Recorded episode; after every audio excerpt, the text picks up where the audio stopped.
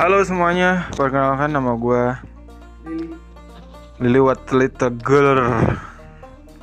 Itu dari gue Selamat datang usia gue 24 uh, uh, Kita di sini bakal ngomongin banyak hal yang random dan tidak terduga. Kayak misalnya lu bakal menemukan bom yang bukan di yang jelas bukan di negara Timur Tengah, lu bakal menemukan salju yang jelas bukan di negara yang cuma ada di empat museum itu aja.